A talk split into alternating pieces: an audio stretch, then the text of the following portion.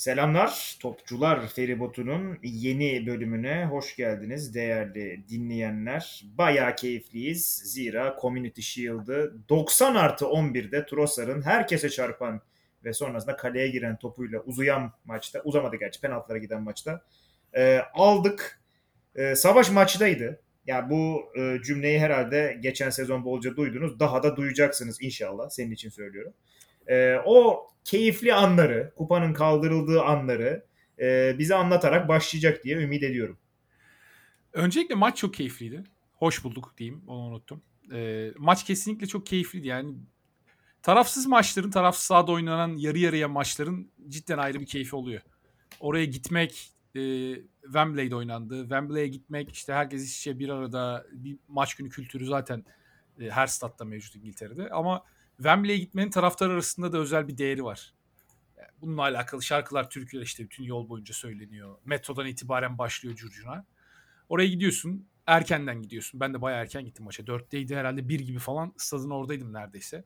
Wembley de biraz şehir merkezinden uzak ve toplu taşımayla gidebildiğin bir iki tane hat var. Onlar da çok kalabalık olabiliyor maça doğru. O yüzden mümkün olduğunca erken gitmeye çalıştım. Ee, bu atmosferi yaşamak maç öncesinde havanın da güzel olması. Şimdi Londra'da yaklaşık bir buçuk aydır falan inanılmaz yağmur yağıyordu yani. Neredeyse her gün yağmur yağıyordu. Bayağıdır güneş yüzü görmemiştik. Tam pazar günü uzun süre sonra ilk defa hava biraz güzelleşti. Açar gibi oldu. Bir güneş gördük. Hatta e, maç sırasında televizyondan izlerken de anlaşılmıştır. O klasik İngiltere öğlen maçı sahanın yarısı güneş yarısı gölge formatına büründü izlerken stat'tan biraz zor oluyor güneşleri yüzüne çarptığında ama uzun süredir güneş görmemiş biri olarak hoşuma gitti. Onu e, söylemem lazım. Tabii ya maça gelirsem e, maç biraz iki takım adına da tedirgin oynanan bir maçtı. Bence çok fazla e, ellerini açık etmek istemediler iki tarafta. Özellikle Arteta'nın bu konuda ben e, tedbirli olduğunu düşünüyorum sezona da girerken. Çünkü rakibi alt etmesi gereken bir Arsenal var. City tarafının ne yapacağı, kadrosunun e, ya kadronun yerleşikliği geçen sezondan hatta geçtiğimiz birkaç sezondan beridir. O yüzden City'de planlar daha çok belli ama Arsenal'ın ne yapacağı daha belirsizdi maç öncesi. Gabriel Jesus'un da sakatlığıyla beraber. Orada bir Havertz hamlesi geldi. İşte orta sahada ilk defa e, ciddi bir maçta, hadi yine yarı ciddi diyelim. Rice, Party, Odegaard üçlüsünü gördük hazırlık döneminde mesela Havertz'i hiç önde denememişti. Daha ziyade orta saha denemişti. O yüzden iki takımda da e, değişiklikler vardı. Bu da bir tedirginliğe yol açtı. City tarafında da Kovacic işte ilk defa oynadı. Ee, onun dışında mesela Palmer da geçen sene çok süre bulan bir oyuncu değildi. Bu sene Mahrez'in ayrılması herhalde o da daha fazla süre bulmaya başlayacak. Savunmada Kyle Walker'ı zaman zaman geçen sene rotasyonun dışında görmüştük. Onu tekrar bu maçta geçen sezon sonuna doğru olduğu gibi bu maçta tekrar onu tercih etti iki tarafta aslında biraz sezonu ısınma maçı olarak bunu herhalde gördü ki ya İngiltere'de de Community Shield'a karşı öyle bir bakış var. Diğer Avrupa ülkelerindeki süper kupalardan biraz daha farklı. Ee, çok fazla işte bunun bir abartılmış bir hazırlık maçı olduğu düşünüyor. Mesela benim gözlemim Avrupa'nın birçoğu ülkesinde süper kupaya daha ciddi bakılıyor burada bakıldığından. Hatta maç sonrasında işte kazanan tarafı da hep bir eleştiri olur işte. Niye bu kadar seviniyorsunuz? Bu ciddi bir kupa değil. Ee, Sanıyorum bunun geçmişten beridir gelen içerisinde charity veya community lafının olmasından ötürü hayır için oynanan bir maç olmasıyla alakası var. Daha ziyade bunu bir hazırlık maçı olarak, bir friendly olarak görüyorlar. Ama tabii iki büyük takımın şampiyonluğa oynaması beklenen, yani birbiriyle direkt rakip olması beklenen iki büyük takımın sezon öncesindeki ilk e, direkt kapışması olduğu için bence önemli bir maç. Tabii ki bundan sezonla alakalı çok fazla bir veri elde edebilir miyiz? Sanmıyorum. Ama Arsenal adına özellikle üst üste City'ye e, kaç olmuştu? 7 ya da 8 maç kaybettikten sonra burada yenilmemek ve penaltı atışlarını kazanmak bence önemli bir psikolojik sezon öncesinde e, yardım oldu diyebiliriz yani. Arsenal'ın ben bu galibiyetle beraber sezona daha iştahlı gireceğini düşünüyorum. Katılıyorum ki e, yani aslında iki tarafa baktığında biraz şey gibi bir durum var. Pep Guardiola'nın maç sonrası açıklamalarında baktın işte bunu kazanamıyoruz 3 seferdir ama ligi kazanıyoruz nasıl olsa gibi. Hani City tarafında kazansa da kaybetse de çok bir şeyin değişmeyeceği ama Arsenal tarafında City'yi özellikle yenip kupayı kaldırdığı için sezon başı özgüveni anlamında çok fazla işe yarayacağını düşünüyordum ben. E, özellikle kadrolarda mesela işte e, City'de mesela Kovac için nasıl İlkay rolünü dolduracağını, Alvarez'in Haaland'ın arkasında neler yapacağını falan çok merak ederken daha çok ben aslında Arsenal'da şeyi merak ediyordum. Evet senin dediğin gibi mesela Havertz benim en büyük korkularımdan bir tanesi de herkes işte abi bitiriciliği e, çok kötü bir takıma bir de gidip Havertz'i mi aldınız diyordu. Ben orada şey diyordum yani şaka rolüyle alındı büyük ihtimalle. Öyle olmayacak. Hatta seninle aramızda da konuşmuştuk onu. Ama Jesus'un yokluğunda her zaman ikinci plan olarak oraya gideceğini gördük Havertz'in. Ha belki sezon içerisinde daha farklı şeyler de olacak ki Jesus gibi kritik anlarda bitiremediği e, pozisyonlarla Havertz e, yine laf ettirecek büyük ihtimalle ki bu maçta da oldu iki tane ki bir tanesi böyle dönerek bayağı zor bir vuruştu. Ötekisini atması gerekiyordu bence. Ama onunla beraber ben en çok şeyi merak ediyordum. E, şimdi geçen sezon en iyi işleyen özellikle e, Arsenal düşüş yaşamadan önce sol tarafı vardı. Yani Şaka kariyer sezonu geçirdi bence. Onunla beraber sol tarafta işte yeni rolüyle beraber Zinchenko vardı. E, dolayısıyla şimdi Zinchenko yok bu maçta. Üstüne bir de e, şey gitti. E, Çaka gitti. Hani Timber sol bek, Rice orada acaba nasıl olacak diye çok merak ediyordum. Orada özellikle ilk 15 dakika, ilk 20 dakika böyle bir 70-75 yaptı toplu oynamayı City. Ama sonrasında iş biraz daha böyle sakinleştikçe, biraz daha e, hani Arsenal topu ayağına almaya başladıkça o Timber, Rice, işte Ödegaard, Partey'in yaklaşması falan çok güzel çıkışlar e, gördük. O beni gerçekten e, bayağı keyiflendirdi. Ki bununla beraber geçen sezon mesela Jesus'un yokluğunda en büyük problemlerden bir tanesi hani Enketia'nın önüne atıyorsun. Enketia gidiyor, alıyor, tutuyor vesaire. Fakat Enketia havadan yolladığında e, alması Jesus kadar kolay olmuyordu. Havertz bunu da biraz sağlayabiliyor. En azından onu da gördük ki hani oyuna da katabiliyor e, etrafını. E, ben fazlaca özellikle ilk 20 dakika sonrasında fazlaca olumlu şey gördüm. Bir tek şöyle bir problem var bence. Bilmiyorum katılır mısın? Şimdi Partey Rice olduğu zaman geçen sezonki hücum akışkanlığı yok. Yani bir tık azalıyor o kesin. Fakat savunmada da bayağı büyük bir güvenlik e, veriyor. Ki bunu işte City'nin o %70-75 topa sahip olurken çok fazla bir şey bulamamasından e, hatta işte Haaland'ın boğulmasından vesaire. E, diğer yandan da e, Arsenal'ın da öyle inanılmaz fazla net pozisyon bulamamasından sanki e, çıkarabiliriz. E, mesela sezon boyunca sen şey bekliyor musun? Rice Party'nin devam etmesini mi bekliyorsun? Yoksa hani City'ye karşı oynandığı için böyle bir şeye mi gitti Arteta? Ne diyorsun? Ben kesinlikle City'ye karşı oynadığı için bu tarz bir 11 tercih ettiğini düşünüyorum. Ee, sezon öncesinde çünkü ağırlıkla Havertz, Rice ve Odegaard üçlüsünü tercih ettiğini gördük. Hatta United maçında bu tercihi yaptıktan sonra e, Arsenal çok fazla o maçta mesela rakibe geçiş oyunu fırsatı tanıdı ki goller de 2-0 United kazandı. İki gol de benzer şekillerde geldi. Hatta bir tanesinde Ramsdale'ın hatası var diyebiliriz Bruno'nun vurduğunda. Sancho da bir tane arkaya sarktı yine savunmayı çok önde yakaladı. Geçen sezon Old Trafford'daki maça benzer bir şekilde. Ee, o yüzden onu test etme şansı yakaladı Arteta. Burada da biraz daha dediğim gibi yarı ciddi bir maçta ben daha kontrollü, daha güvenli arkayı sağlama alabilecek bir oyun tarzını açıkçası tercih edebileceğini bekliyordum. Çünkü yanlış hatırlamıyorsam e, Monaco'ya da bir maçta daha yine hazırlık maçlarından bir tanesinde daha yine Rice Party ikilisini tercih etti ki Rice transfer ediliş sürecinde de çok fazla Rice'ın aslında 8'de oynay- oynayabileceği, şaka rolü için transfer edildiği konuşuluyordu. Sonrasında Party'nin gideceği dedikoduları biraz yükselmeye başladıktan sonra Rice'ın aslında 6 numara için alındığı söylenmeye başlandı. Ben aslında ikisinin ortası olduğunu düşünüyorum. Yani Rice muhtemelen uzun vadede Arsenal'ın 6 numarası olacak. Ama şu sezon baktığımızda partinin ne kadar değerli olduğunu şu oynanan e, henüz resmi anlamda Premier League sezonu başlamış olmasa da oynanan maçlarda partinin ne kadar değerli olduğunu görüyoruz. Yani Rice olgunluğa yaklaşan bir oyuncu. Çok önemli fiziksel özellikleri var. Ben teknik anlamda da kapasitesinin yüksek olduğunu düşünüyorum. Daha da iyi ol, olacağını düşünüyorum Arsenal gibi topu hükmeden bir takımda. Ama Rice şu an hatlar arasında özellikle de baskı yerken çok yüksek e, sahanın ön tarafında pres yapan City gibi bir takım karşısında Rice'ın oradaki tek odak noktası olması savunmanın önündeki e, bu rolü ben hala Parti'nin Rice'tan çok daha iyi oynayabileceğini düşünüyorum. Yani Parti orada özellikle dar alandaki e, topla olan kabiliyeti ve etrafındaki oyuncuların pozisyonuyla alakalı olan farkındalığı çok yüksek partide yani. Zaman evet hata yapabiliyor ama çok e, sıkça da bu tip pozisyonlardan çok ince bir bilek hareketiyle veya topu bir şekilde dürterek çıkıp Arsenal'a çok önemli presi delerek e, pozisyon bulma şansı sağlıyor. Martinelli'nin Saka'nın sevdiği geçiş oyunlarını bulma şansı sağlıyor. O yüzden ben büyük maçlarda büyük oranda Rice Party ikisini beraber göreceğimizi düşünüyorum. Eğer ikisi de sağlıklı durumda olursa. Ama mesela cumartesi şimdi Nottingham Forest maçı var içeride. O maçta da ben tam tersini bekliyorum. Mesela o maçta ya Trossard ya Enketia forvet. E, arkada da bence muhtemelen ben Rice e, Havertz ikilisiyle başlayacak diye düşünüyorum. Denem, denemek isteyecektir yani. Belki işler istediği gibi gitmezse tekrar e, Rice Party'ye dönebilir. Ama ben bu ofansif 11'i de bu tip maçlarda özellikle içeride çok müsait olan maçlarda Arteta'nın kesinlikle deneyeceğini düşünüyorum.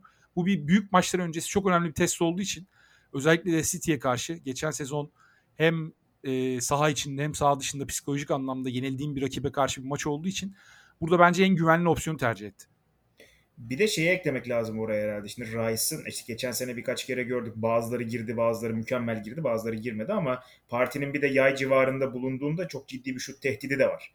E, Rice'da pek öyle bir şey yok en azından şimdilik ve e, orada olmaya da çok alışkın bir oyuncu değil. Yani şutu kovalamaya da West Ham United alışkanlığından çok alışkın bir oyuncu değil. Orada mesela şu benim çok hoşuma gitti. E, dikkatini çekmiştir belki. E, hani Chakaroli'den bahsediyoruz. Hani onu kim oynayacak acaba diye. Havertz mi oynayacak, Rice mi oynayacak? Bu maçta dikkatini çekmiştir. Timber rolü çok oynadı. Yani Timber çok yalancı bir şekilde hem e, sol içe doğru geldi, hem ceza sahasına doğru gitti, hem Martinelli'nin önünü açtı, hem Martinelli'yi kullandı, hem de Rice Timber'in boşalttığı alanda e, güvenlik subabı oldu. İşte bu ya tabii ki orada Zinchenko oynayacak büyük ihtimalle ama Timber ya da işte Zinchenko artık sol tarafta içe kat eden kim olacaksa e, sanki oradaki oyuncuyu da ki bu Zinchenko yani kralını yapar e, Çaka'nın yaptığının arkasını Rice doldurduğunda mesela çok daha güvenli bir şekilde oraya gidebilir gibi duruyor. E, o açıdan da hani sadece sol içten sekizlik değil aynı zamanda e, sol bekten de böyle yalancı bir sekizlik hani sadece şey de değil e, ceza sahasına koşu atan bir e, sol bek de görme ihtimalimiz sanki var gibi geliyor bana. Timur bahsini açtın çok iyi oldu. Bence Arsenal adına maçın en iyisiydi. Mükemmel oynadı. Ki mesela ben bu tip maçlarda e, nasıl Rice Party'nin beraber tercih edileceğini düşünüyorum. Aynı şekilde Timber'ın da Zinchenko'ya dönem dönem tercih edilebileceğini düşünmeye başladım açıkçası şu ana kadar gördüklerimden. Çünkü Timber tamam Zinchenko kadar yüksek teknik kapasitesi sahip bir oyuncu değil ama muhtemelen oraya alıp koyabileceğin Arsenal alabileceği oyuncular arasında oraya en yakın oyunculardan bir tanesi olabilir. Onu gösterdi. Özellikle City gibi bir rakibe karşı o baskının altında o kadar rahat oynayabilmek bir de ters ayaklı olduğu bir pozisyonda e, içeri girerek Zinchenko'nun rolünü büyük oranda yani, taklit etti veya tekrar etti. Bunu kesinlikle söyleyebilirim. Rice ile ilgili benim dikkatimi şu çekti. Arsenal maça başlarken Rice daha ziyade şaka pozisyonu gibi konumlanıyordu. Senin dediğin gibi o sol iç e, pozisyonda çok fazla gördük. Ama tabii top Arsenal'ın ayağına fazla değmediği için aslında Arsenal e, topu ayağına aldığında Rice'ın nerelerde olacağını maçın başında fazla göremedik. Sonrasında biraz Arsenal tekrar oyunun kontrolünü almaya başladığında 20. dakikadan sonra yanılmıyorsam Rice'ı e, geriden oyun kurarken de çok fazlaca gördük. Mesela Party'yi ileri itti. Timber onun yanına itti. Timber'ı senin dediğin şaka pozisyonlarına bile attı yani. Timber'ın ben şey koşuları çok dikkatimi çekti. Savunma arkasına koşu attı ters toplarda. Mesela top evet. Ben White'ın ayağındayken sol çapra e, sol kanattan Timber içeri doğru adeta Martinelli'nin atacağı koşulardan attı. Evet. Orada oyunu açabilmek için. E, hatta bir benzerini de White attı. White'ın ayağına gelen topta zaten Havertz e, kaçırdı pozisyonlardan bir tanesini. O iki net pozisyondan bir tanesini. E, Rice'ın geriye gelip bu oyunu kurması orada çok da fazla bir esneklik sağlıyor Arteta'ya. Saha içerisinde gerideki özellikle 7-8 oyuncunu her an her yerde bulabiliyorsun. Yani geride de olabiliyorlar, öne de çıkabiliyorlar. Yerlerini başkası gelip doldurabiliyor. Rice geriden de oyun kurabilen bir oyuncu. Hazırlık maçlarında gördüğümüz 8 numara oynarken orta sahadan ceza sahasına da çok iyi koşular yapabiliyor. Ee, bir tane hatta United maçında ya da tam şimdi yanlış söylemeyeyim ya da Monaco maçında bir tane pozisyonda çok net karşı karşıya da pozisyona girdi. Son anda savunma blokladı mesela. Ben o açıdan Rice'ın gol katkısı da yapacağını düşünüyorum. Tabii e, Şaka'dan da mesela geçen sezon öncesinde bu kadar gol asist katkısı yapabilecek bir oyuncu çıkabileceğini ben hayal tabii, etmezdim şahsen. Tabii. O yüzden Rice'da da o potansiyelin olduğunu düşünüyorum. Şey konusunda da hatta sana katılmayayım mesela. E, partinin şut tehdidi yani Rice'ın çok önünde ben koymam açıkçası. Partinin ayağına geldiğinde de herkeste bir şut atsın beklentisi oluyor. Geçen sezon iki tane çok güzel gol attı ama onun Ondan öncesinde oynadığı Onun öncesinde oynadığı iki sezonda yani partinin dağlara taşları vurduğu herhalde bir 35-40 tane top vardır. E, ben geçen sene de var canım. Evet yani Rice'ın da o kadarını yapabileceğini düşünüyorum en azından. Partiden çok daha iyi olur mu bilmiyorum ama Rice'ın da bence bir şut tehdidi olacaktır. Bir tane hatta yokladı City maçında. Çok iyi bir şut değildi. Hmm. Avuta vurdu. Ama City maçında da yokladı. Özellikle 8'i oynuyorken, parti arkasındayken ve özellikle de e, Arsenal'ın domine etmesini beklediğimiz maçlarda işte önümüzde oynayacağı Forest maçı gibi bu tip maçlarda ben Rice'ın bolca cezasız koş, koşusu yapacağını düşünüyorum. Özellikle mesela Havertz'in etkili olmasını beklediğimiz o hava toplarında Rice'ın da etkili e, olacağını öngörebiliriz. Şaka'nın da geçen sene bir iki tane öyle kafa golü var. Hatta son maçta atmıştı galiba. Son hmm. maçta mı? Son haftalarda bir tane öyle kafa golü atmıştı. Leeds'e olabilir. Leeds, olabilir. Leeds'e olabilir. Sanki Ödegaard'ın ortasında bir tane e, arka direğe doğru koşu yapıp kafa golü atmıştı mesela. Rice'dan da o tip koşuları mutlaka göreceğiz. Özellikle e, partiyle oynadığında Rice'ın çok daha fazla hücum etmesine ihtiyacı olacak Arsenal'ın o hatları açabilmek adına. Ee, burada tabii e, özellikle şeye girmek lazım belki. Ee, hani Jesus'un yokluğunda Havertz'in orada oynadığını gördük.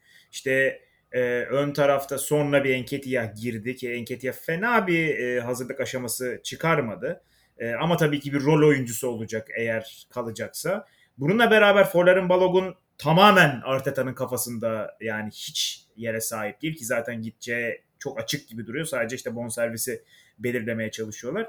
Sence e, benim mesela şu şu noktada korkum e, açıkçası Gabriel Jesus'un bu diz sakatlığının sezon boyunca böyle hani 3 hafta yok, 5 hafta var, 2 hafta daha yok benzeri bir duruma dönüşürse e, orada işte Havertz, Enketia kalmak e, ya da işte Trossard falan ikinci planı sürekli e, oynamak biraz sıkıntı yaratır gibime geliyor. Sıkıntı illaki yaratacaktır. Jesus orada bir numaralı plan.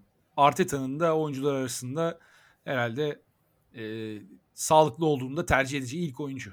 Bunu kesinlikle söyleyebiliriz. Jesus'un özellikle Arsenal topa sahip olmak isteyen bir takım. Arteta oyunu önünde oynamak isteyen bir takım. E, o üçlüye baktığımız zaman Havertz, Jesus ve Enketia üçlüsüne baktığımız zaman topu korumak ve dar alanlardan topla e, bir şekilde çıkabilmek adına oradaki en yetenekli oyuncunun Jesus olduğunu kesinlikle söyleyebiliriz. Yani Jesus neredeyse bir orta saha oyuncusu seviyesinde e, yani top size bir güvenlik sağlıyor top ayağındayken.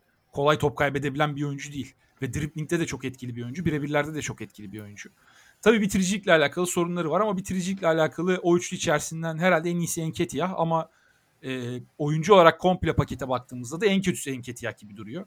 Elde bir trade-off var ya o üçlüye tek tek baktığımızda. Şimdi Havertz senin e, bir 5-10 dakika önce söylemiştin Havertz'in hava toplarındaki etkinliğini. Havertz orada farklı bir boyut getirecek kesinlikle ön tarafta oynadığı zaman.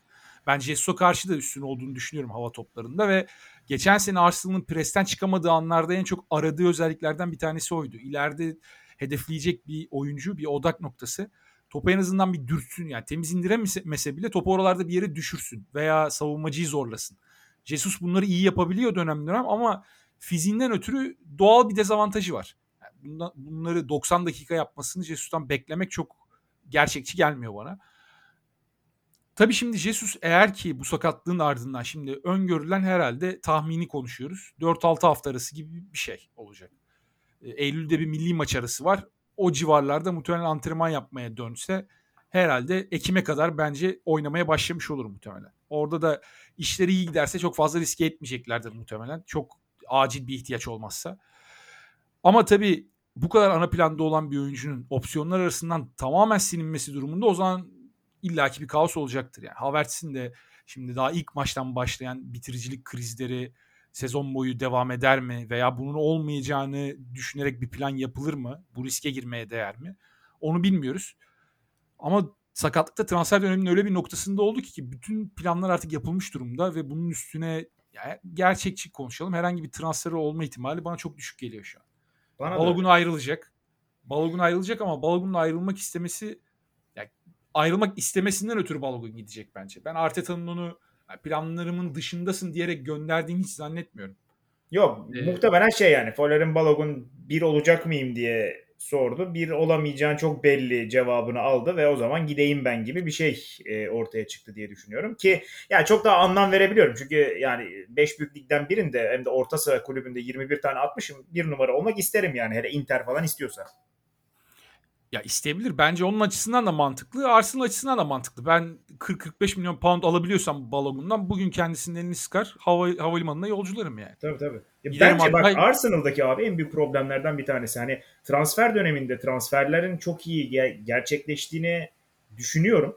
Ee, arada böyle katılmadım işte Vieira gibi e, transferler olsa da en büyük problemlerden bir tanesi abi oyuncu satmak Arsenal'da. Ki e, şu anda kadronun şişikliğine baktığında da e, ki yavaş yavaş şişiyor. İşte Cedric geri döndü mesela. İşte Nuno Tavares geri döndü. Pepe işte Beşiktaş'a bedelsiz olarak gelecek, kontratı feshedilecek falan muhabbeti geçiyordu. Elneni hani zaten arıza çıkarmıyor arada sırada e, oynuyor çok problem değil onun için. Ama e, satış konusunda hakikaten Arsenal'ın bir problemi var bence. Kesinlikle var. Son 3-4 seneye baktığımızda özellikle işte Wenger'in ayrılmasından bu yana geçen dönemde Arsenal birçok oyuncuyu üstüne para verip göndermek zorunda kaldı. Bunun bir kısmı kontratlarla çok alakalı.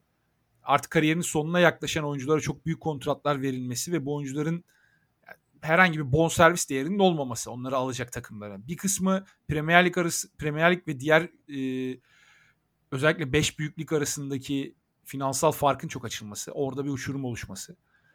Bir tanesi de Arsenal'ın sergilediği performans. Yani oyuncuların üstüne yapışan etiketler.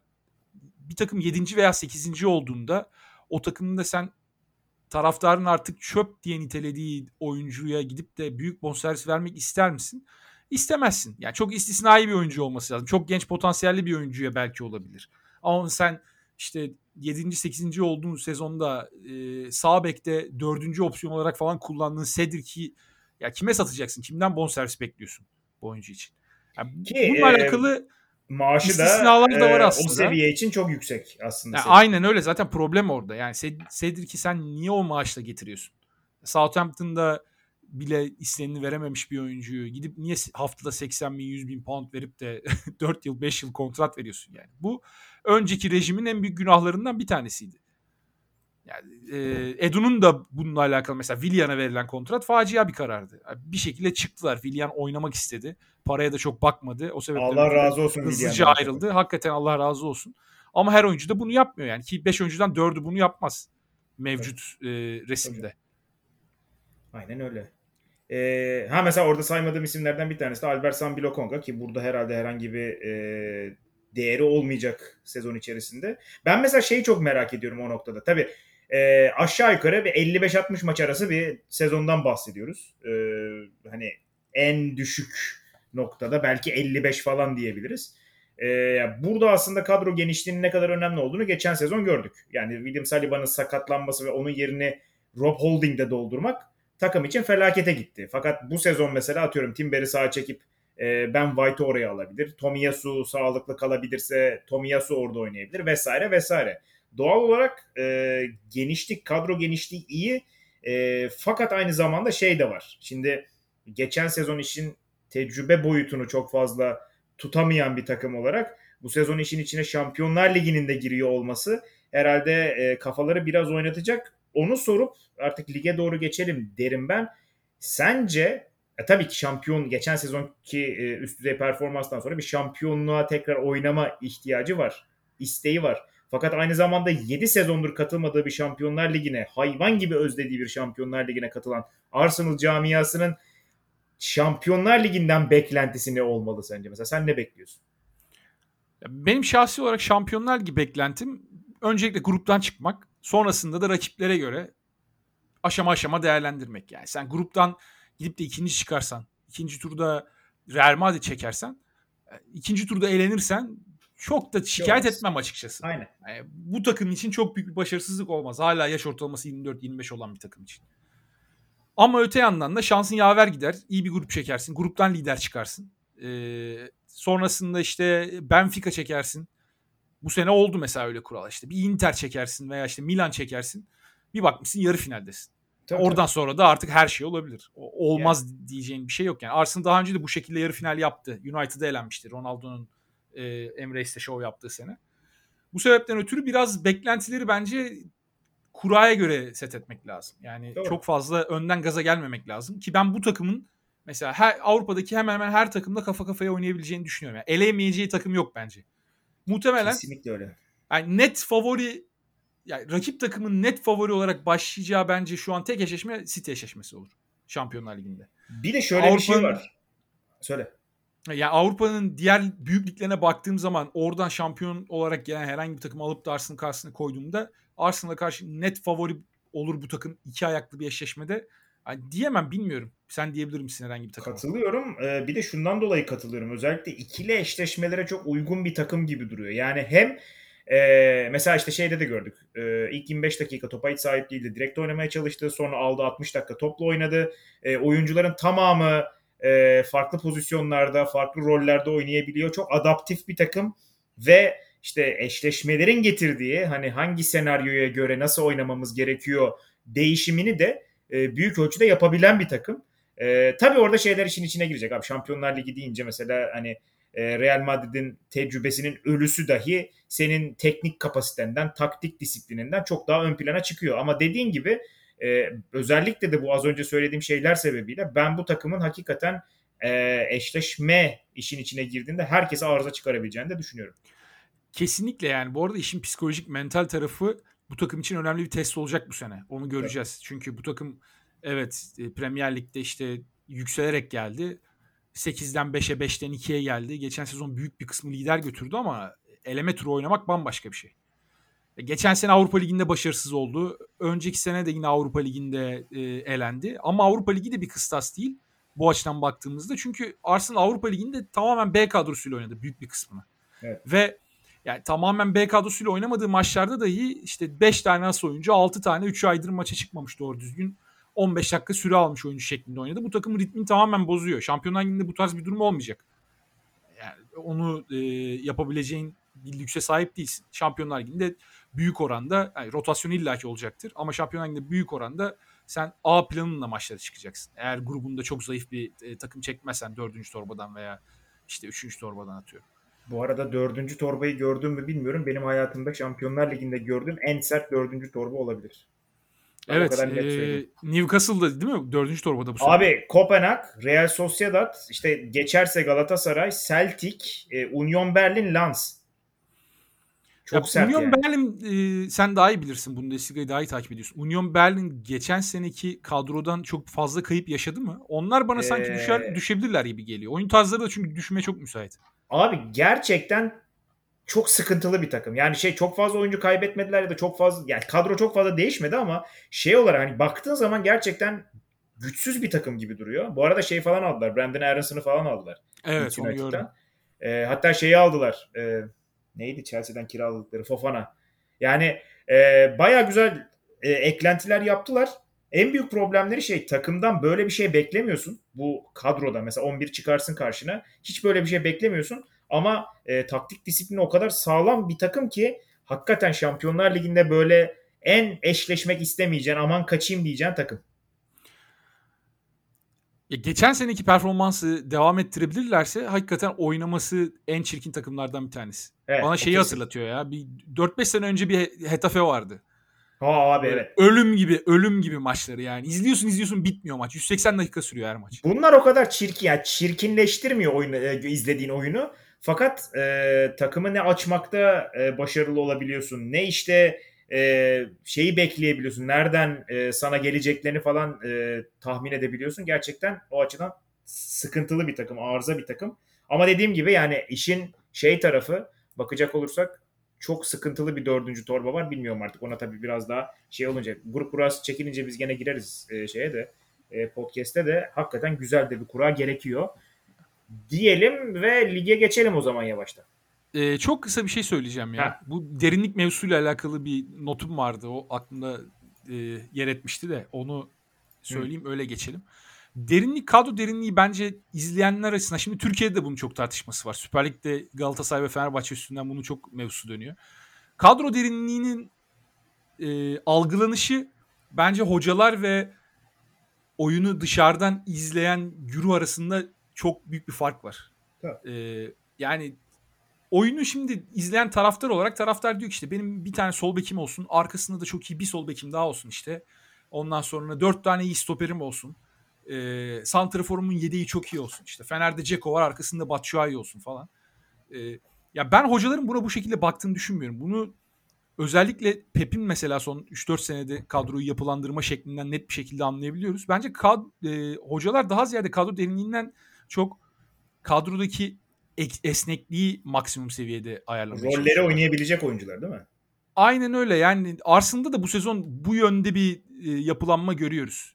Evet. Her pozisyonda 2-3 tane iyi oyuncudan ziyade elinde öyle oyuncular olacak ki mesela 11 kalitesinde bir oyuncu olacak ama 3 pozisyonu aynı seviyede oynayabilecek. Yani Timber transferi de bu açıdan çok olumlu bir transfer. İşte Ben White mesela sağ bek oynayabildiğini keşfettik geçen sene. Biz çok iyi bir stoper zannediyorduk onun öncesine kadar. Şimdi bir maça Arsenal Ben White stoper başlasa kimse itiraz etmez. Sağ bek başladığında zaten sorun yok. İşte Rice'ı aldı. 8 mi oynayacak 6 mı oynayacak kimse bilmiyor. İkisinde de bence çok net verimli oynayabilecek bir oyuncu. E, ön tarafta Gabriel Jesus santrafor ama kanat mı acaba? Yani sürekli konuşulan bir oyuncu. Havertz aynı şekilde. Orta sahada oynayabilir. İşte Sakay'ı da yedekleyebilir diyorlar. İşte santrafor oynuyor. Fena da hiç çıkartmadı City karşısında. Bence özellikle savunma tarafında, pres tarafında e, Gabriel Jesus'u hiç aratmadı mesela. E, Martinelli aynı şekilde sol önde oynayabiliyor. Herhalde aslında pozisyonu değiştirmeyeceğin tek bir tane oyuncu var şu an. İki tane oyuncu var diyelim. Tek bir tane değil de kaleci hariç tutuyorum bunu. Bir tanesi e, Ödegaard. Muhtemelen yani Ödegaard'ı başka bir yere koyabileceğin bir 11 yapamazsın. Diğeri evet. de Parti. Gerçi Parti bile sabek oynadı mesela geçen sene. Ama yüzden, yani çok fazla yani, değişmez yeri. Yani Yanisi var ama işte inverted sabek olabiliyor mesela. Çok zorunda kalırsan yapabilirsin. Örneğin yani Zinchenko'yu atıyorum bir maç oldu. E, sol 8 Zinchenko oynasa çok ben şikayet olacağını zannetmiyorum. Tabii, tabii. Yapamayacağı bir iş değil. Yani daha önce de oynadığı bir rol. Milli takımda hatta düzenli oynadığı bir rol. Aynen. Örneğin. Bu sebepten ötürü her pozisyonu iyi seviyede yedekleyebileceğin bir kadro kurmak zaten yani bu seviyedeki oyuncuların beklentilerinin özellikle oynama beklentilerine baktığımızda çok bana makul gelmiyor. Öyle bir kadro kuramıyorsun. Yani City bile kuramıyor onu. Cancelo'dan mesela vazgeçti. Adam 3 hafta oynamadı diye trip yaptı gitti Pepe. Pep de ben bunu kabul etmiyorum dedi. Performansı da zaten iyi değildi. Ondan sonra iyice uçurumdan aşağı yuvarlandı. Adamı kadrodan sildi. Bir daha da yüzüne bakmadı. E Pep, Pep'in tercihi 16-17 yüksek kalitede oyuncuyla bunu oynamak. Şu an Arsenal da oraya doğru gidiyor. Yani bazılarıyla alakalı hala soru işaretleri var. Kenardan gelecek bu fazla pozisyon oynayabilen oyuncularla alakalı. Emil Smith-Rowe'un veya Fabio Vieira'nın tam olarak ne yapabileceğini bu sene göreceğiz. Ama ideali o. Yani tabii ki 60 maç çok zorlu bir fikstür olacak. Şampiyonlar Ligi artı Premier Lig üstüne bir de yerel kupalar var. İleri gidebilirsen onlarda da. Ama e, yani şu ana kadar kurulmuş prototiplere baktığımızda son 10 seneyi baz alalım. Başarılı olan takımlar hep bu prototiple başarılı oldu. Yani çok iyi işler yapan Liverpool'da şampiyonlar ligi kazanan Liverpool'da oralara elinde 22 tane 11 oyuncusuyla gelmedi. Hatta derinliği şu anki Arsenal'dan bile daha kötüydü muhtemelen. Tabii, Onlar da 14-15 iyi oyuncuyla geldiler yani. 11 net e, oyuncuları vardı. Arkasında kenardan gelen işte her yere koyabildikleri bir James Milner'ları vardı mesela. Bu tip oyuncular çok değerli oluyor. O yüzden de özellikle Timber transferinin altını çizmek lazım. Bence sezon içerisinde ne kadar önemli bir transfer olduğunu çok görebiliriz sakatlıklar e, olduğu dönemlerdeki. Zinchenko sezona sakat başladı örneğin. E, Zinchenko'nun yerinde Timber hiç sırıtmadı City gibi bir maçta. Umarım sezon boyu da böyle devam eder. Kesin. Ee, geçmeden bir de şeyi ekleyeyim Timber'la alakalı. Şeyi gördüm abi yani e, mesela geçen sezon Zinchenko'nun en büyük sıkıntısının arkaya oyuncu kaçırması ve savunma yapamaması e, olduğunu görmüştük. Timber hem hayvan gibi atlet hem savunması çok iyi Zinchenko'ya kıyasla. Yani hakikaten çok büyük e, çok büyük bonus. Ya işin komiği de Timber'ın çıkmasıyla tam Zinchenko'nun yedireceği tarzda bir gol yememiz orada.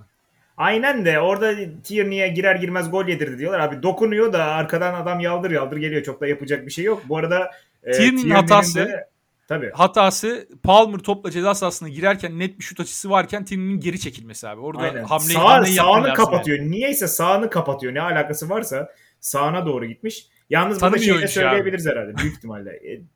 Tierney'e çok yazık oldu yani. Tierney gitti artık. Tamamen silindi yani şeyde Timber'ın gelişiyle beraber. Ya onunla alakalı da çok transfer dedikodusu yok ama ben zannetmiyorum ki satmasınlar. İyi bir teklif gelirse gönderirler muhtemelen.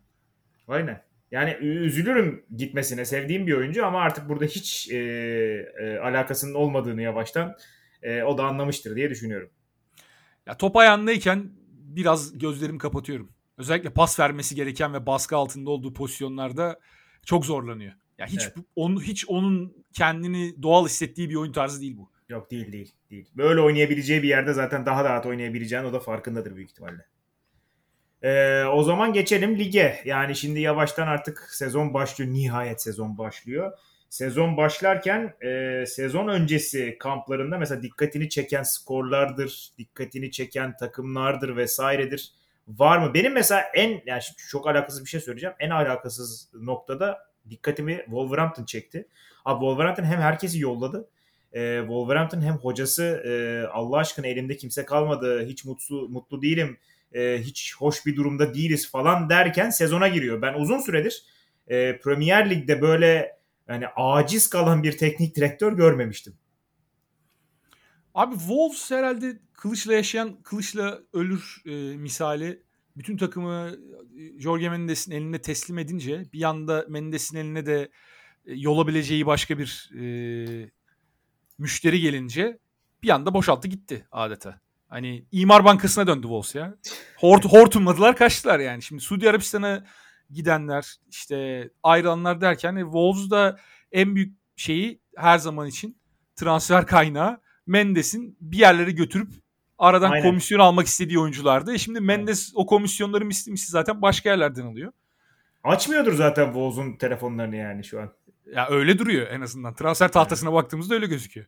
Yani bayağı güçsüzleştiler ki e, hani tek transfer zaten Bubakar Traore. Yani Matt Doherty'yi saymayacağım. Matt Doherty gidiyor geliyor gidiyor geliyor onu çözemedim ben zaten.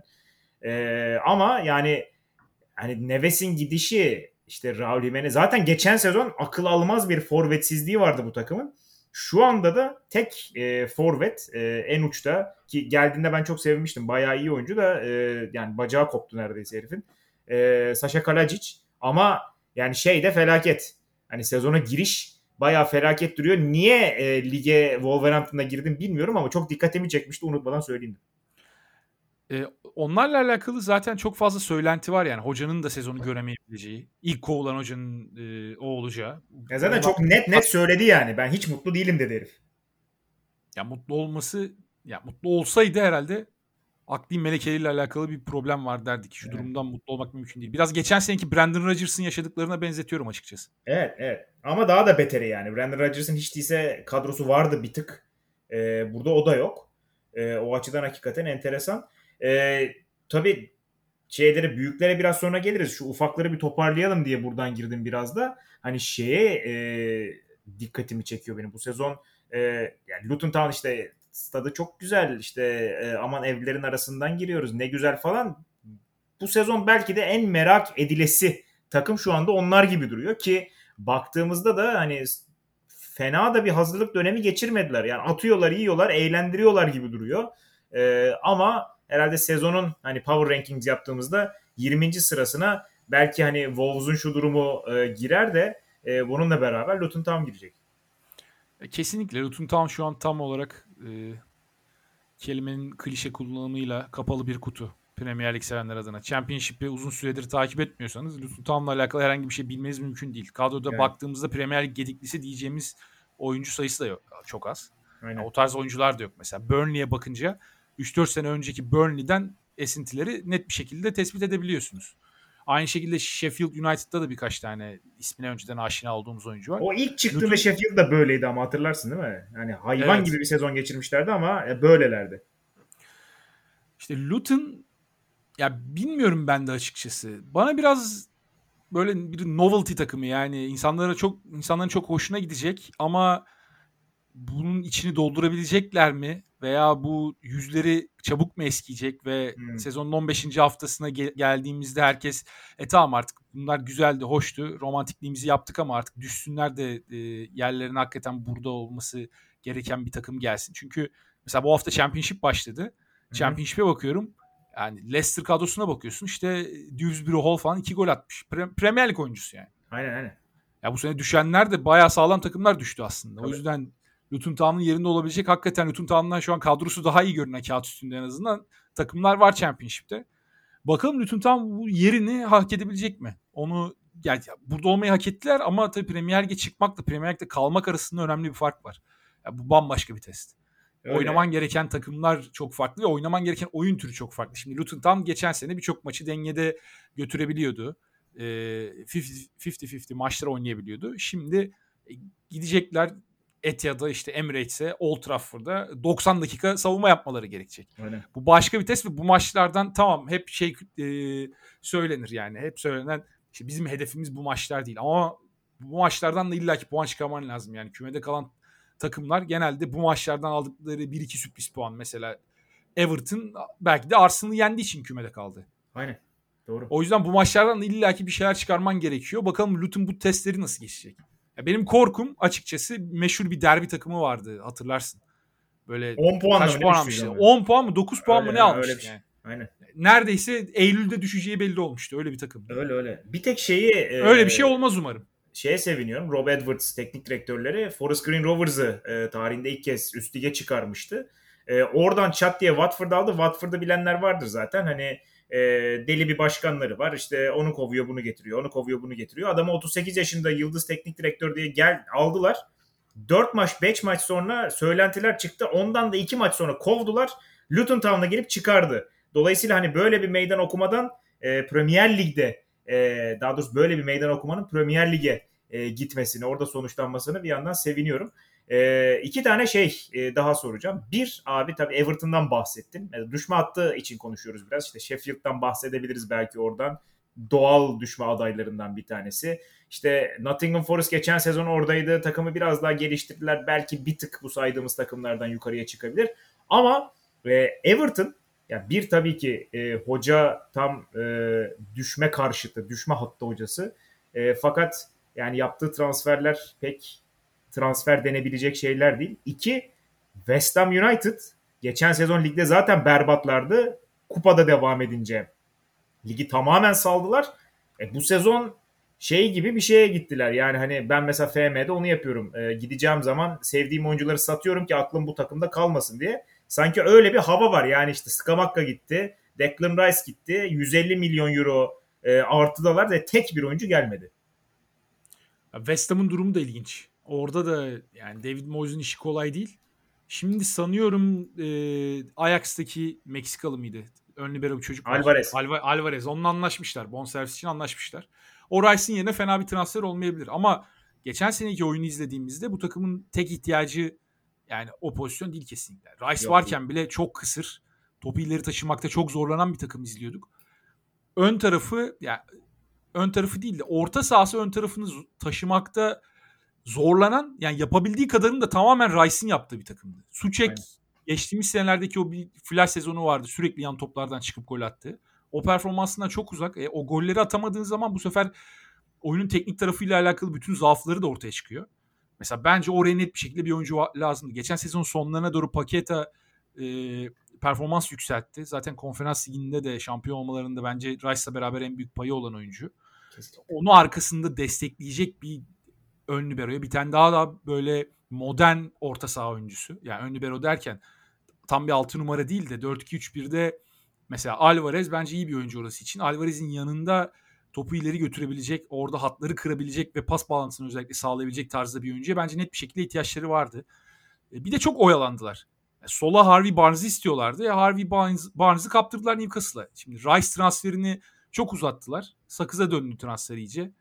Ee, oradan maksimum parayı almaya çalışırken Arsenal'dan bu sefer kendi hedefledikleri oyuncuları kaçırdılar ellerinden. Evet. Şu anda transfer döneminin bitmesine 3 hafta gibi bir süre kaldı. E, bu 3 haftada birçok takımda artık elindeki oyuncuyu bırakmak istemeyecektir. Veya bıraksa bile normalde bırakacağından daha yüksek bir paraya bırakmak isteyecektir. O yüzden West Ham'ın işi zor. En azından şimdi bu ön libero transferini halletmiş olmaları onları bir kademe rahatlatabilir ama işte o yediklerin eksiklerin tamamını ben kapatabileceklerini çok zannetmiyorum. E bu da Rice de gitmişken bu kadar etkili bir oyuncu. Hem sağ içinde hem de sağ dışında yani takım kaptanını kaybediyorsun. Takımın liderini kaybediyorsun. Zor bir sezon başlangıcı olacak. Yani benim ilk kovulma ihtimalini gördüğüm birkaç tane hoca var. Birincisi zaten doğal e, Luton Town hocası doğal aday. İkincisi fikstürlere bakıyordum. Sırf bunu e, şey yapabilmek için. Senle konuşmaya başlamadan önce podcast'in öncesinde. Forest'ın fikstürü çok zor. Berbat aynen. Ee, ilk 6 hafta sanıyorum top top 6'in 4 tanesiyle oynuyorlar. Yani Arsenal var, City var, United var, bir de Chelsea var. Ve hepsi deplasman. Evet yani bayağı zor bir fikstür. Geçen sene e, Deli Başkan iyi sabretti. Gerçekten yani hakkını yemeyeyim. Ondan hiç beklemeyeceğim kadar sabretti Steve Cooper'a. Aynen. Ama bu sezonda öyle bir başlangıç olursa bu sefer sabreder mi bilmiyorum yani. Bir yerde o iş kopabilir. Mesela o adaylardan bir tanesi. Zaten West, West Ham'ın bu arada e, fikstürü de berbat. Yani Chelsea var, Brighton deplasman var, City içeride, Liverpool deplasman ilk 6 hafta. İşte West Ham için de zor. Ee, dediğim gibi David Moyes'un da sezon başında yani mucize yaratması gerekecek. Evet. Onların bence en önemli avantajı geçen sezonu e, moral olarak çok iyi bir noktada kapadılar. Tamam Rice ayrıldı ama yani diğer takımlara baktığımızda işte oralarda bitiren takımlar mesela Everton ulan yine Allah'ın belası ligde kaldık. Bir türlü düşemiyoruz. Bu limboda kaldık. Ee, yuvarlanıp gidiyoruz modunda mesela. West Ham kupa kazandı abi sezonu bitirirken yani. Akıllarda kalan o oldu West Ham'ın geçen sezonunda. Tabii tabii tabii.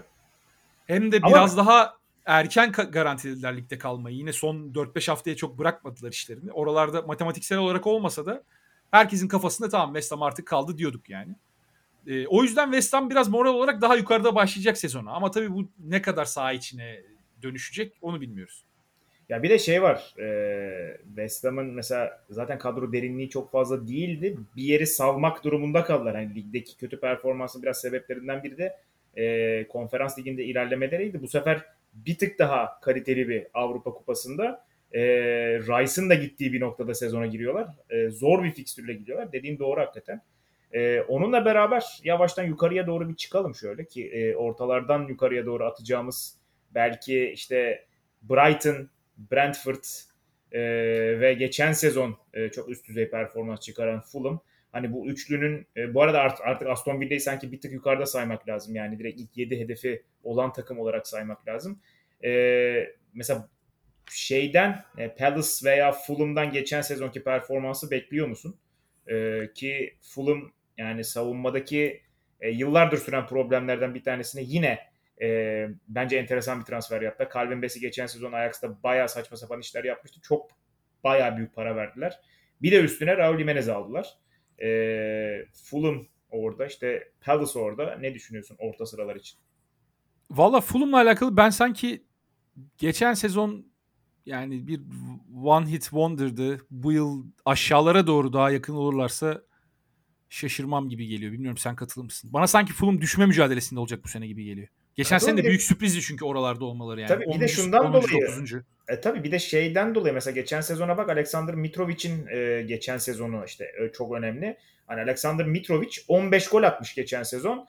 E, 15 golün 8'i ilk 10 hafta falan. Yani oradan sonra durdu zaten ki e, Fulham'ın da aldığı puanlar genellikle o dönemde gelmişti. Hani kendilerini biraz rahata atmalarının sebebi o ilk baştaki e, performanstı biraz. E, bu sezon onun da olması çok kolay değil gibi zaten. Palace'la alakalı da ya tabii Zaha'yı kaybettiler. E, orada onun boşluğunu nasıl dolduracaklar? Ya Palace zaten gol atmakta zorlanan bir takımdı şimdi. Zaha da gol atmakta zorlanan bir oyuncuydu Premier Lig seviyesinde. E, orada Palace Zaha'sız o yaratıcılığı kimden bulacak? Eğer ki o role yerleştirirse onu net bir şekilde Hodgson Eze'nin patlama sezonu olabilir gibi geliyor bana. Çok da güzel bir gol attı hazırlık döneminde bir tane onu Evet. gördüm. Hep beklenen oydu zaten yani Eze'nin o, o role aday olması. Palace'ın taşıyıcı oyuncusu rolüne e, gelebilmek için Zaha ile rekabet etmesi. Ama bir türlü görememiştik. Bir kısmı sakatlıklar, bir kısmı istikrarsızlıktan ötürü. Şimdi Olise ile alakalı da mesela dedikodular çıkıyor. Onun da sanırım bir serbest kalma bedeli varmış. City'ye olabilir deniyor. İşte Chelsea ya da bir başka takım daha vardı en son. Romano'nun tweetlerinden birinde gördüm. E, o yüzden Olise'nin de ayrılması durumunda bu sefer çok kurak bir ön taraf olma ihtimali var açıkçası. Ama tabii Hodgson yani ligi bilen hoca. Onu da söylemek lazım yani. Şandaş'ın e, Şan, Şandaş doğmadan önce Şandaş olmuş versiyonu. Roy Hodgson. O yüzden ya Hodgson'ı da çok küçümsememek lazım diyorum ben. Bence bir şekilde ligde kalır yine Palace. Yani onu söyleyeyim. Onlardan daha kötü net bir şekilde 4-5 takım var. Katılıyorum. Ee, benim e, düşme hattında saymadığım, yani bilerek saymadığım takımlardan bir tanesi ki bu sezon bence en merak ettiğim, en merak edilesi takımlardan biri Burnley olacak geçen sezon kompaniyle beraber klasik Burnley'nin yani 180 derece tersini tamamen hücuma yönelik bol gol atan, bayağı keyifli oynayan bir Burnley'e çok güzel eklemeler yaptılar ki eklemelerin arasında benim Fantasy Premier Lig'de de aldığım Jordan Bayer var. Ben Almanya'dan çok severim. Üstüne daha önemlisi e, Zeki Anduni'yi aldılar e, Bazel'den. Bayağı e, son dönemi çıkış yapan topçularından biri. Kaleye e, e, İngiltere U21'e e, kupa getiren James Trafford'ı aldılar. Bayağı sağlam bir paraya. City'den e, zaten, değil mi? Tabii City'den aldılar. E, bir de Vincent Company var zaten. Hani çok keyifli, genç, dinamik, e, hani atacak yiyecek ve atıp yediği için de çok da aslında e, ne bileyim eleştirilmeyecek bir e, Burnley var. Ben gene mesela geçen sezonun Fulham'ı, geçen sezonun işte e, nasıl diyeyim orta sıralara sürpriz çıkış yapan takımının bu sene Burnley olmasını bekliyorum. Burnley ile alakalı ben çok ortadayım. Geçen sezon Championship'teki oyun tarzını tekrar etmeleri sence bir naiflik olur mu Premier Lig'e geliyorken? Bu arada şeyi de söyleyeyim. Lokonga da büyük ihtimal Sambi Lokonga hmm. sezona bence Burnley'de başlar. Bana öyle geliyor. Abi bazen şey oluyor hakikaten dediğin gibi. Hani altta oynadığımız oyunu hiç bozmayalım. Kendimizden ödün vermeyelim. Sonra yani Norwich hani, mesela benim kafamdaki bu bir numaralı örneği. Evet evet. Yani sonra şey oluyor. 10. hafta eksi 27 averaj falan e, oluyor. Hani dediğin doğru ama e, sanki e, Vincent Company çok fazla hani ilk maç gerçi City büyük ihtimalle orada bir şey göremeyeceğiz. E, ama özellikle dişine göre rakiplerde işte 12. sıra ve 6 olması beklenen takımlara ben geçen sezonki performansından çok fazla ödün vereceğini düşünmüyorum. İşte problem orada başlıyor zaten. City seni sen istesen de istemesen de itecek. Arsenal da aynı şekilde. Hı hı. Mesela kafa kafaya olan maçlarda topa özellikle Premier Lig'de çok fazla atletik oyuncunun olduğu ve geçiş oyununda sana çok fazla zarar verebilecek oyuncunun olduğu ligde. Atıyorum mesela kimle oynuyorsun? Everton'la oynuyorsun.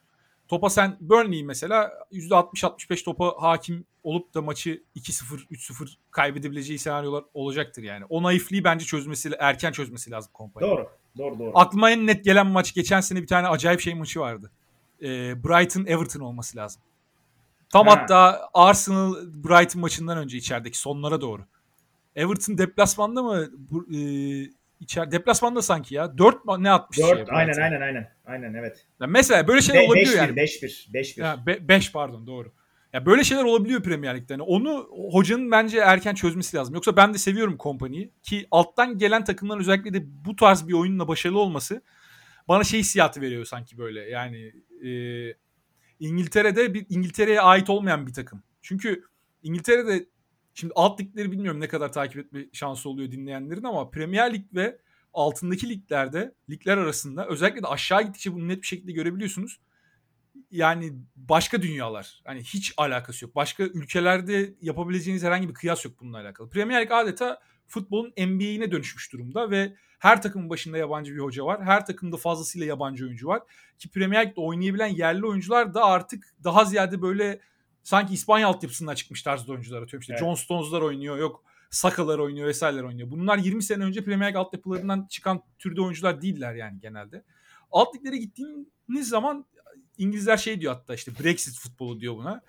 Adeta tam bir klasik böyle sanki 70'lerden bir video kaset açmışsınız da o dönemlerden bir maç izliyormuşsunuz gibi. Klasik 4-4-2 e, savunmadan ileriye şişirilen toplar ileride iki tane zebellah gibi adam.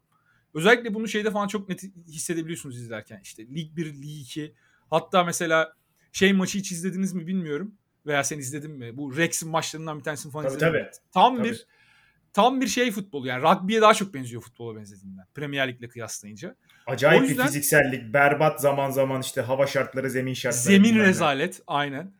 Ama tribünler full mesela işte 15 bin kişilik stat her zaman tribünler full. Tabii. Onun bambaşka bir havası var Premier Lig'e kıyasla. O yüzden Burnley gibi bir takımın Championship'ten gelip de o tarz bir oyunda Premier Lig'de etki yaratabilmesi benim hoşuma gider ki İngiliz futbolunun da bence ihtiyacı olan bir şey. Championship'te bu tür takımlar çok nadir oluyor. Aynen. Ya işte bu sene Norwich var çıkıyor kıracak... düşüyor çıkıyor düşüyor. Aynen. Bu sene de muhtemelen onu kıracak olan takımlar yine Premier Lig'den düşen takımlar olacaktır. İşte Leicester. Evet. Doğru. Veya işte Leeds olabilir belki. Doğru doğru. Ee, buradan şeye geleceğim. Ee, bana göre yani. 5-6-7-8 arasını doldurmasını bekledim işte. Brentford, Aston Villa, Brighton. Oraya Tottenham'ı koyacağım bana kızacaklar büyük ihtimalle. Ama Tottenham. Tottenham'dan tam olarak ne beklememiz gerektiğini hala bilmiyorum. Ki onlar da büyük ihtimalle ne beklemesi gerektiğini bilmiyorlar. Çünkü Kane gidecek mi kalacak mı hala ciddi bir soru işareti. Bu soru işaretinin etrafında adam yine hazırlık maçlarında 150 tane gol attı. Yine reddetmişler son teklifi. Aynen. 100 milyon euroyu. Aynen. Bu arada şeyi de görüyorsun. Bayern Münih'in hazırlık maçlarına bakın. İleride Matistel oynuyor 17 yaşındaki. Yani bu şey demek. Hani bana Kane'i almıyorsanız e, forvete adam koymayacağım diyor Tuchel yani. E, Tuchel hocam yönetime mesaj yolluyor. Yani onu da görüyorsun bir yandan. Yani o istek bir yerde noktalanacak gibime geliyor ama e, Tottenham yani hoca zaten geldiğinden beri hep aynı şey söyleniyor, yazılıyor, çiziliyor. Keyifli oynayacak. Mesela şeyin bir tık ötesi. Burnley için söylediğin şeyin bir tık ötesi bence. Yani daha kaliteli bir takım. Daha büyük hedefleri olan, daha yüksek sıralama bekleyen ama e, keyifli oynarken belli bir noktada acaba işte oyun tarzından dolayı büyük maçlarda sıkıntı yaşayacak mı diyeceğin bir takıma e, gidiyor gibi duruyor Tottenham ki eğer Kane de giderse atacağı gol sayısı daha da düşecek. Ben Tottenham'ın önceki programda sanki konuşmuştuk bunu. En büyük sıkıntıyı orta sahada yaşayacağını düşünüyorum. Evet. Orada e, Postecoglou'nun oynatmak istediği oyunu oynayacak tarzda orta saha oyuncuları yok. Aynen. Yani Højbjerg de iki yönlü olmaya çalışsa da ne kadar iyi niyetli olsa da tam olarak hücum tarafında e, yani köşeli bir oyuncu. Çok net oturan bir oyuncu değil o role. Bentancur da en iyi oyuncuları oradaki. O da sakat Tielemans'ı nasıl kaçırdı onlar ya? Tielemans'ı çözebilirlerdi sanki. Yani Tielemans biraz kendine yardımcı olmadı bence. Kendine kötülük etti. Ha, çok kötüydü geçen seneki performans. Çok fazla maçı var. Sahada yürüyormuş gibi gözüktü adeta. O yüzden Tielemans kendi değerini düşürmüş oldu biraz. Bakalım orada Villa'da Emery hocam hiç sevmez öyle oyuncuları. Onu nasıl yontacak? Tabii. Onu da çok merakla bekliyorum. Tabii. Ee, o yüzden Tottenham bence o, o açıdan sıkıntı yaşayabilir ya. Bana öyle geliyor. Mesela rakibin kapandığı maçlarda Tottenham rakibi açabilecek mi? O da bir, bir tek problem işte olabilir. orada şey giriyor işin içine. E, Madison, Madison ve Kulusevski de fena değillerdi. Madison bayağı işin içine girecek gibi duruyor bana öyle geliyor. İşte Madison oradaki en önemli pozitif katkı yapabilecek potansiyeldeki oyuncu. Kesinlikle. Madison Leicester'da çok iyi gözüktü ama Madison'ın da istikrarsız olduğunu aslında hatırlatmak lazım. O da çok dönem dönem sakat geçirebilen bir oyuncu. Ama işte Madison tüm sezon sahada kalır. Sezonun büyük bir bölümünde e, ana parça olabilirse orada oraları açabilir evet. O kaliteye sahip bir oyuncu. Ee, işte topu bu... geriden çıkarma konusunda nasıl halledecekler o problemi? Şimdi Postecoglou muhtemelen ayağa pasa çıkmak isteyecek. Geriden oyun kurmak isteyecek. Hı hı. Şimdi stopere transfer yaptılar. Ama orta sahalar onu kaldırabilecek mi? Onu Abi ben merak mesela ediyorum. şöyle bir şey var işte o son e, gelen arkadaş e, şey Van de Ven miydi adı? Miki, Van... Miki, Miki. Ha, o, adı Miki olması lazım. Abi şey e, o mesela driplingle çıkmayı çok seven bir oyuncu. Ki hani driplingde çıkıp e, sonunu da getirebilen bir oyuncu. Ama bir yandan hani driplingde çıkıp e, geri dönmeyen ya da kaptıran bir savunma işte e, daha büyük arıza çıkarır mı vesaire bunlar da önemli sorular. Ya onu hiç izlemediğim için onunla alakalı şimdi net bir yorum yapmayayım. Yanlış olur ne söylesem. Ee, belirsizlikler var Tottenham'la alakalı. Onu söyleyebilirim. Şimdi Kane mevzusu çözülmezse de bu sefer şeye dönüşecek iş. Yani sezon sonu Kane nereye gidiyor? Bütün sezon bu konuşulacak. Adım gibi eminim. İngiltere medyasını hani biliyoruz. İşte Manchester United'da Hoylund 3 tane kötü maç oynasın. Kane sezon sonu Manchester United'da manşetleri çıkmaya başlar. En büyük şansları Chelsea'nin çok iyi durumda olmaması. Hani Kane için net bir tercih olmaması oranın.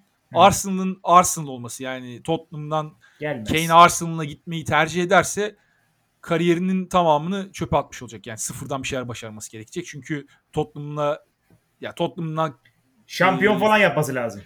Ya şöyle futbol kariyeri bittikten sonra Tottenham'dan hiçbir şekilde herhangi bir şefkat, sevgi göremez Arsenal. Aynen. Yani Sol Campbell'ı biliyoruz. Sol Campbell bunun üstesinden işte namalup sezonla gelmişti Arsenal'da. Anca öyle bir şey yap, yaparsan olabilir.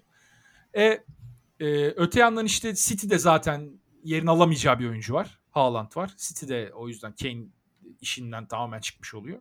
Burada sürpriz bir aday hani Newcastle güçlenmeye devam ederse mesela ilginç olabilir. Orada Kane tercih eder mi? Yani... Alan Shearer'ın rekorunu Newcastle'da kırmak ister mi mesela ortaya atayım. mesela mesela ya o abi mutlaka kafasının bir yerinde var o ya. Yani şey değil öyle sayılara çok önemsemiyorum falan filan muhabbeti yapar ya oyuncular. Öyle bir şey yok abi. Alan Shearer'ın rekoru bu kadar yakınken onu kırmak istiyordur yani. Bu arada ben şimdi Bayern'e gitse bile e, böyle 35 gibi falan tekrar Premier Lig'e dönüp o rekoru bir şekilde kırmaya çalışacağını düşünüyorum. Tabii tabii. Tabii. Kesin. Kesin. Ee, burada mesela yine soru işareti özellikle de Ivan Toney sebebiyle soru işareti olan bir Brentford var. Ee, geçen sezonu yine en üst düzeydi. Yani o, onun üstüne çıkabilirler mi çok emin değilim ki e, çok da fazla takımla oynanmadı. Ne gidenler ne gelenler vesaire. Ee, onlar hakkında Brighton'la beraber bir şey demek ister misin? Öyle gireyim. Ben Brighton'la ilgili mesela şeyi merak ediyorum çok. Geçen sezon inanılmaz bir hype yapıldı. Yani bir de şey çok garipti. Yani sezon ortasında gelmiş bir teknik direktörün çok başarılı bir teknik direktörün yerine gelmiş bir teknik direktörün daha da iyi bir iş çıkarması hakikaten çok garipti. Ee, bu sezon özellikle mesela işte e, gelen oyuncularla beraber Joao Pedro çok daha farklı bir figür. İşte ne bileyim e, Mahmut Davut direkt e, belki McAllister'ın yerine geldi. James Milner oraya mutlaka şey etkisi gibi. Lallana'yı da onlar Liverpool'dan beleşe çekmişlerdi. Aynısını yaptılar yine. Bedavaya çektiler James Milner'ı. O da tecrübe katacak ki e, en büyük problem burada herhalde işte Alexis McAllister'ın e, yani yeri dolacak mı dolmayacak mı o. McAllister'la beraber şimdi Caicedo'yu da büyük ihtimal bence kaybedecekler. Bana öyle geliyor. Caicedo hatta bugün galiba antrenmana çıkmamış Chelsea'ye gitmek istediği için. Chelsea herhalde böyle 80 milyon pound civarı bir teklif yaptı. Kabul edilmedi. Yine e, greve başlamış. Hatırlarsın En- Ocak en ayında da Arsenal tweet teklifi, atıyordu. Evet Arsenal teklif kabul edilmedikten sonra Instagram'dan story'den bir paylaşım yapmıştı. Bırakın beni gideyim diye. E, benzer bir durum yine yaşanacak gibi duruyor. Bir de ben şeyin kaybını da çok ciddi bir kayıp olarak görüyorum onlar için. E, Chelsea'ye geri dönen kirası bittikten sonra Levi Colville. Ha tabii tabii. Onun onun yerini doldurmak için de e, bir çaba sarf edilmesi gerekecek orada. Gerçi bir stoper transferi yaptılar e, Fiorentina'dan. Onu da çok bildiğim bir Igor değil, o geldi. yüzden bir şey demiyorum. Evet, Igor'u aldılar. E, kale mevzusu ilginç. Yani geçen sezon önce sezona e, Robert Sanchez'le başlamışlardı. Şimdi onu Chelsea'ye gönderdiler. Sezonun ortasında zaten Robert Sanchez ikinci kaleci pozisyonuna düşmüştü. Aynen. E, şey yerli bir çocuk vardı. Onunla Steve. oynadılar ikinci yarıyı. Steel. Steele'la aynen Steele'la oynadılar. O da fena değildi. Şimdi yine yeni bir kaleci geldi. Mesela Brentford'da da bir kaleci mevzusu mevzusuyla alakalı bilinmez bir durum var. Şu an Ryan'ın da büyük ihtimal herhalde Arsenal'a gideceği e, Ben bu hafta belli olur diye düşünüyorum.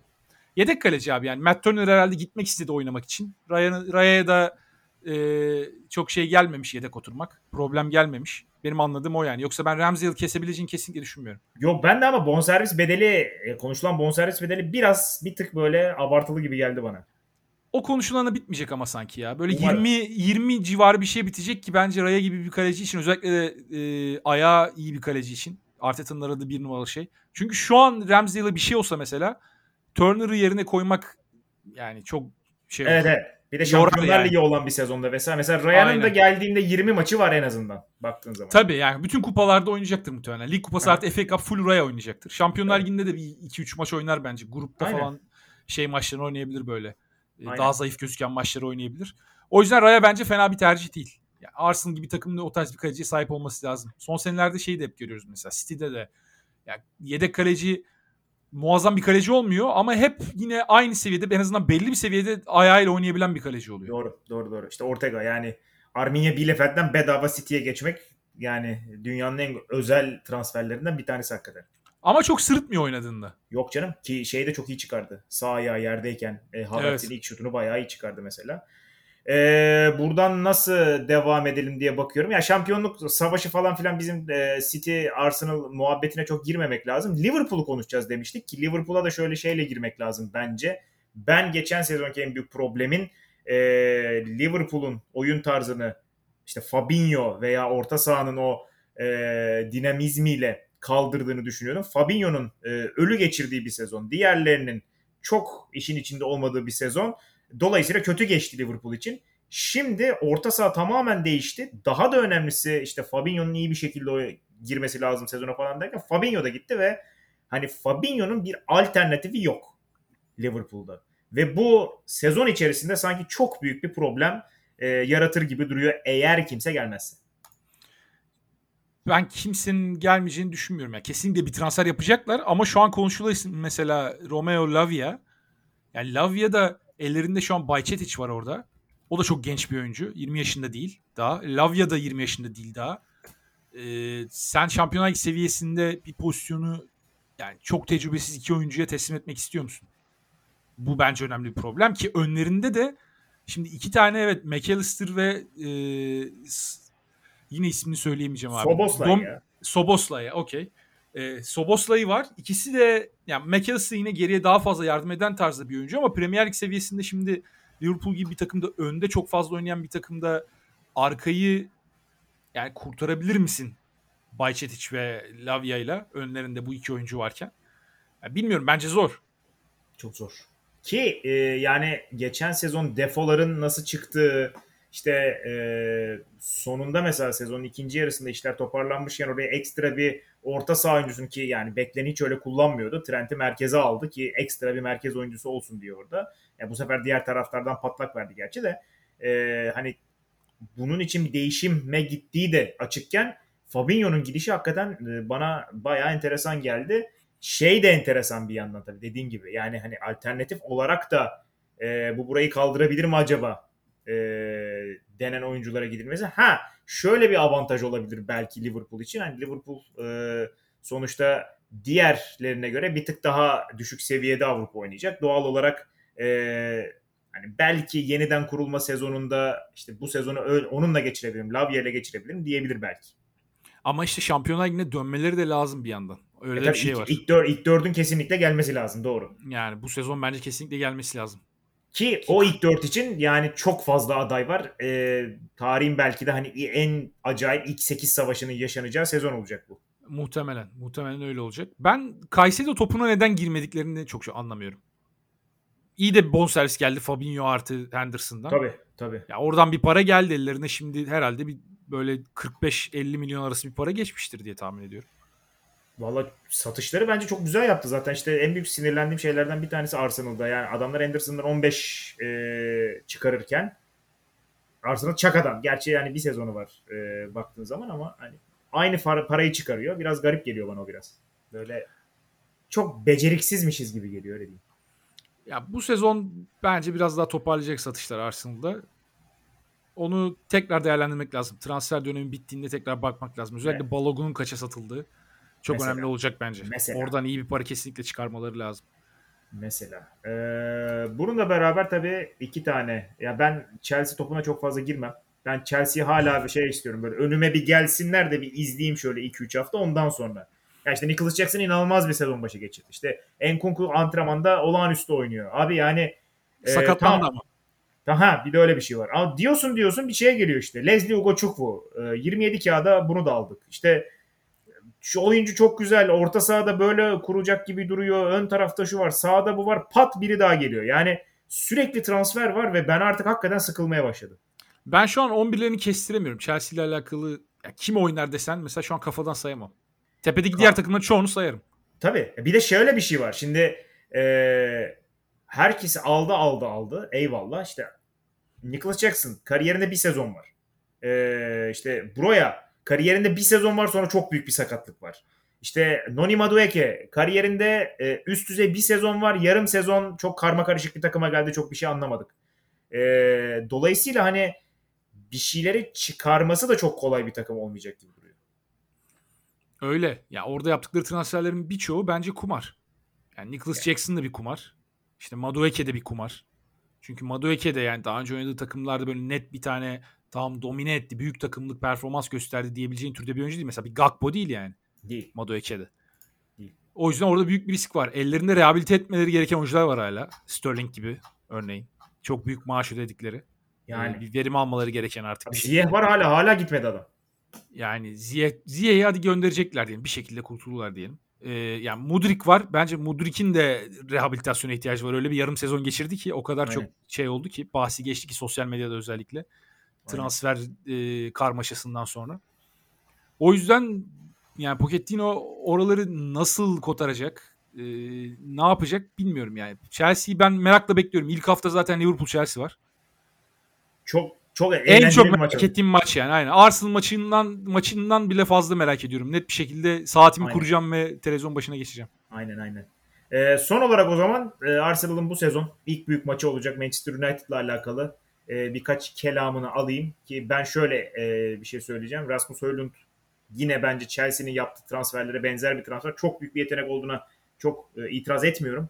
Fakat Manchester United gibi bizim acilen 9 numaraya ihtiyacımız var ve 11'e koymamız gerekiyor denen bir oyuncunun kariyerinde sadece yine bir sezonun olması ve Manchester United'ın 9 numarasına gelmiş olması hani hem oyuncu için çok sert bir geçiş ve haksızlık e, büyük ihtimalle de yani Manchester United taraftarı içinde böyle zaman zaman hani e, dur bakalım ne olacak Allah belasını versin arasında gidip gelecek bir e, duruma doğru gidecek gibi geliyor bana.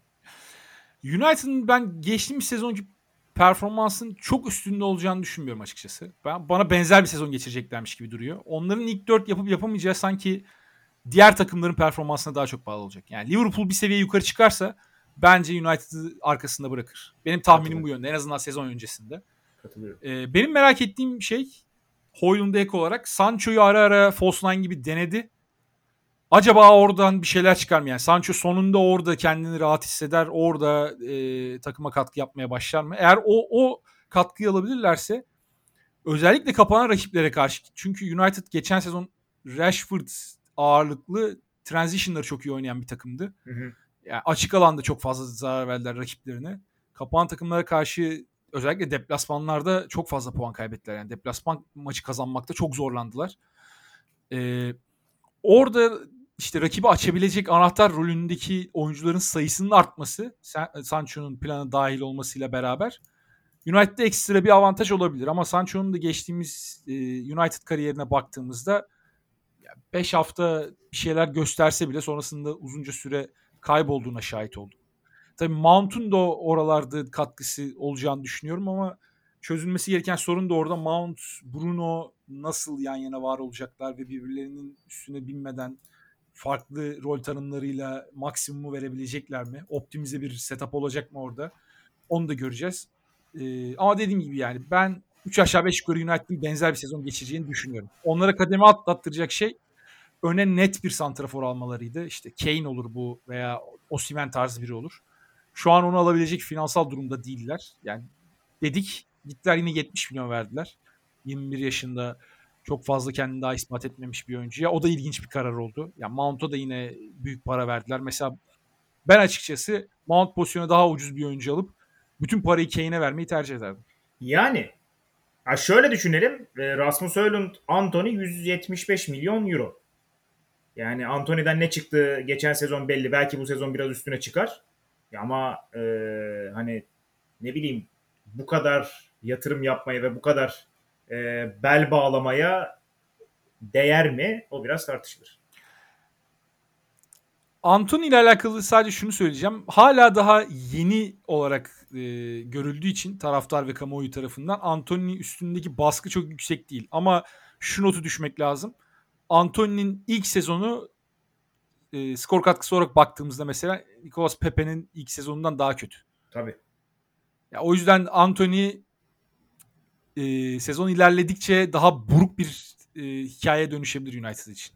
Katılıyorum ki e, yani diğer tarafta mesela şey de varken hani Garnacho'nun yaptıkları da hiç beklenti yokken Garnacho'nun bir anda çalabilir beraber... mesela yerini. Yani nasıl Aynen. Saka Pepe'ye yaptı. Garnacho da bir anda Anthony'nin yerini alabilir. Öyle bir şey de söz konusu olabilir. Ki geçen sezon bence çok daha etkileyici bir performans çıkardı Garnacho. O zaman yavaştan e, kapanışı yapalım. E, ben senden geçen sezon yapmıştık bunu yanlış hatırlamıyorsam. Direkt soruyu soruyorum. İlk 6 hafta içeride Forest, dışarıda Palace, içeride Fulham, içeride Manchester United, dışarıda Everton, sonra Tottenham maçı. Ondan sonra zaten milli araya gidiliyor.